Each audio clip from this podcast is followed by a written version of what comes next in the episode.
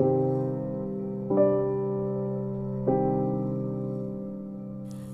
selamat datang di episode kita kali ini. Kali ini narasumber kita masih sama, Nusaibah Maknon.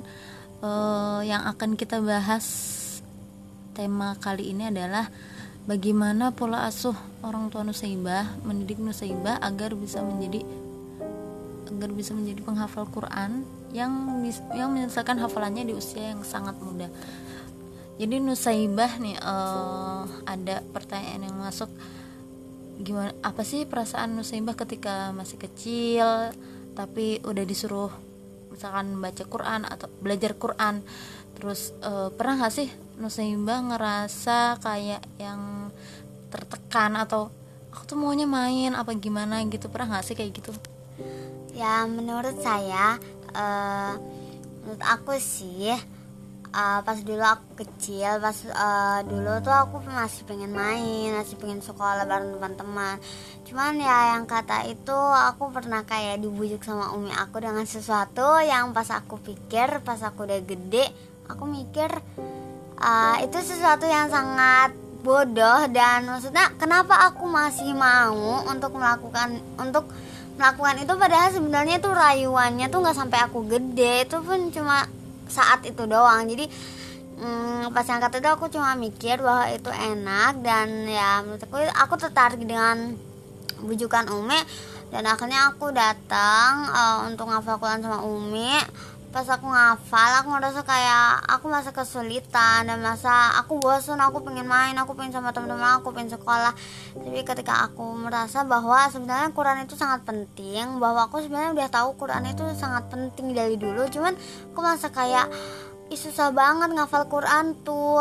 Tapi ketika kalau kalian udah misalnya udah ngerti makna Quran itu lebih gampang untuk dihafal. Jadi menurut aku pas aku masih kecil tuh aku masa kayak tertekan dipaksa ngafal Quran harus bener gitu.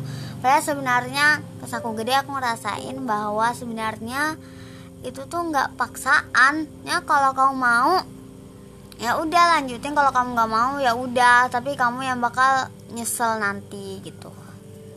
Oke jadi uh, sekarang ini udah mulai sadar ya gimana pentingnya Al-Quran buat kehidupan kita. Nah mau nanya nih uh, gimana sih sekarang kan maksudnya udah selesai nih hafalannya. Perasaannya ketika maksudnya apa yang udah kamu rasain gitu selama kamu tuh sampai pada tahap udah udah selesai hafalannya gitu. Apa yang kamu rasain ketika udah bertahun-tahun ngerasain gimana susahnya menghafal uh, sampai ganti-ganti usaha juga.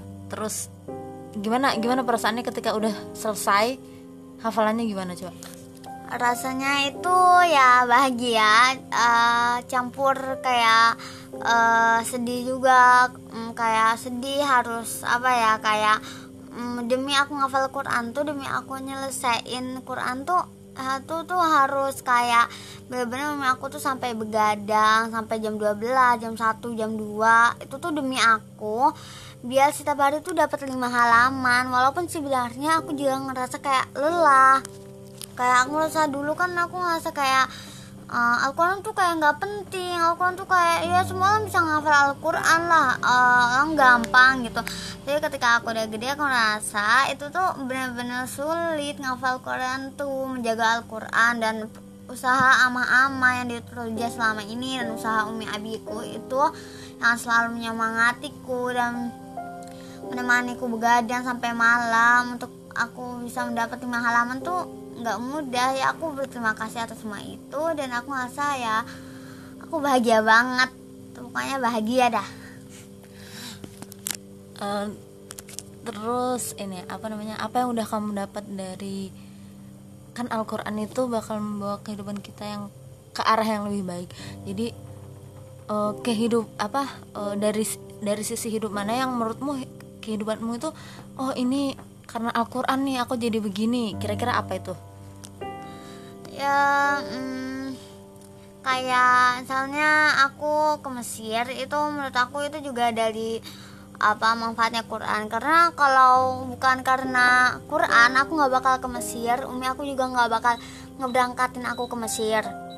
Umi aku ngeberangkatin aku ke Mesir karena aku katanya mau mau ngafal Quran di sana. Padahal sebenarnya aku di sana ya bukan untuk ngafal Quran. Sebenarnya niat aku bukan ke sana tuh bukan untuk ngafal Quran. Tapi umiku mm, mungkin mikir mungkin ketika aku sampai di Mesir aku akan menjadi lebih baik lebih bisa ngafal Quran bareng kakak-kakak. Tapi nyatanya enggak ya. Aku juga agak kesel sih dengan pilihan aku kenapa aku ke Mesir. Nah pokoknya Quran itu banyak banget manfaatnya di kayak manfaat aku bisa punya pondok yang lumayan gitu. Aku mempunyai teman-teman banyak aku bisa kayak mengenal orang gitu. Uh, itu sebuah uh, manfaat dari aku ngafal Quran. Dan pas aku ngafal Quran tuh aku ngerasa bahwa rezeki aku tuh banyak banget. Karena setiap aku misalnya mm, ngafal Quran imam berapa juz itu mungkin aku dikasih uh, hadiah sama umi aku. Dan itu bukannya manfaat itu manfaat dari ngafal Quran dan Allah tuh menggerakkan hati umi aku untuk memberikan aku sesuatu karena aku menghafal Quran gitu. Hmm. Jadi uh, ketika gini, ketika kamu sulit eh bukan, ketika kamu lagi masa-masanya males males atau capek sama Quran, apa apa yang kamu lakukan biar kamu tuh kembali semangat gitu? Atau apa yang Umi apa yang Umi kasih ke kamu biar kamu tuh kembali apa biar kamu tuh kembali buat semangat gitu buat ngafal Quran kira-kira apa? Hmm, terkadang umi aku tuh kayak menceramahi aku kayak bilang Quran itu penting nus. Kamu tuh nggak tahu gini gini gini. Ya umi aku bilang kayak kalau kamu emang terpaksa kalau kamu emang nggak mau ngafal Quran ya udah jadi aja anak orang. Jangan jadi anak umi. Umi itu pingin anaknya tuh ngafal Quran. Nanti masuk surga tuh bareng umi. Jadi itu aku ngerasa kayak uh, iya sih bener juga kata umi kata umi aku tuh. Siapa sih yang mau jadi anaknya orang padahal ditakdirkan jadi anaknya umi aku? Ya kan kayak umi aku tuh kayak bener-bener kayak putus asa gitu kan ngurus aku tuh. Aku juga ngerasa kayak ya ya udahlah aku pas ngafal Quran tuh emang udah ngelibatin banyak orang. Jadi aku ngerasa kayak aku harus ngehormatin usaha mereka dong. Masa aku putus asa di jalan kayak gini? Akhirnya ya aku naik lagi aku ngafal lagi berusaha ngafal lagi walaupun itu melelahkan tapi insya Allah nanti suatu saat itu akan bermanfaat bagi kita oke okay. uh, eh, pernah nggak waktu masih proses menghafal kamu ngerasa kayak uh, pernah gini uh, apa ya pernah pernah nggak kamu ngerasa ketika menghafal itu kamu udah bikin seseorang seseorang yang udah bantuin kamu buat menyelesaikan hafalan tuh kayak bener-bener yang kecewa banget. Sampai dia tuh kayak pengen nyerah gitu uh, bantuin kamu. Pernah nggak? Uh, ada nggak orang yang pernah kayak gitu ke kamu? Maksudnya merasa kecewa banget sama kamu kayak udah capek gitu ngurusin kamu. Ada nggak yang sampai kayak gitu? Uh, pernah sih aku ngerasa kayak ada orang kayak gitu yang benar-benar kayak kayak udah terserah kamu lah nus. Kalau kamu mau ngaji ya udah aku urusin. Tapi kalau kamu nggak mau ngaji ya udah terserah.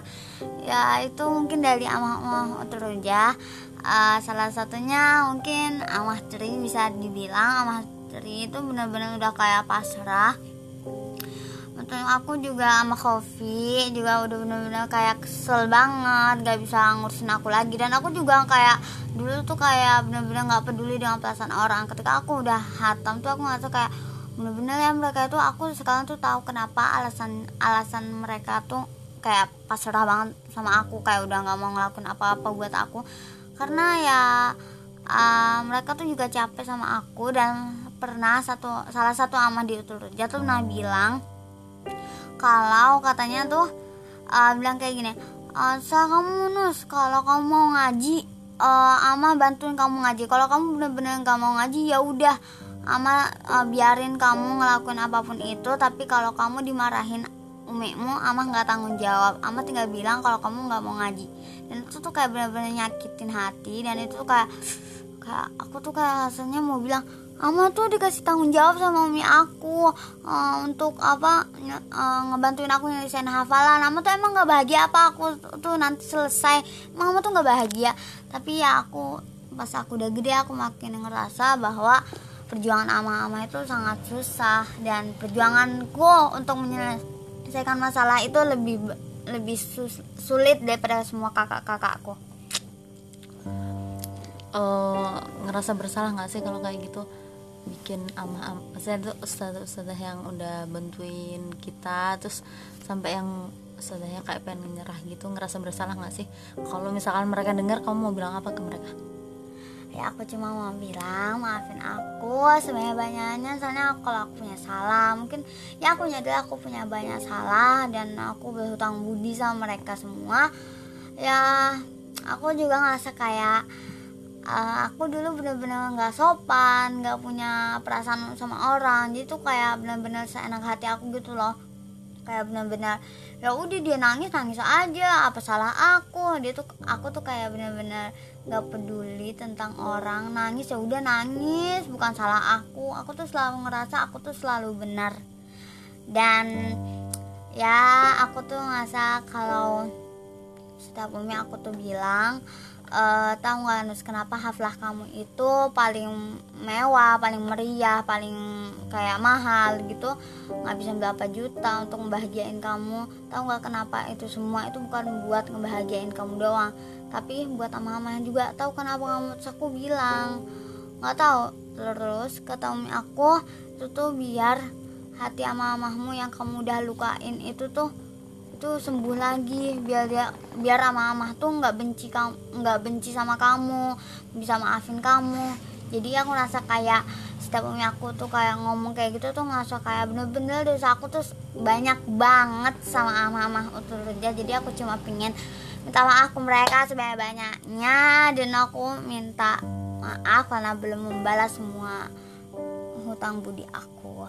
Dah Oke, okay, kayaknya uh, episode kali ini bakal selesai sampai di sini aja. Uh, nanti bakal kita lanjut lagi ke depannya lagi. Uh, sekian dari saya. Assalamualaikum warahmatullahi wabarakatuh.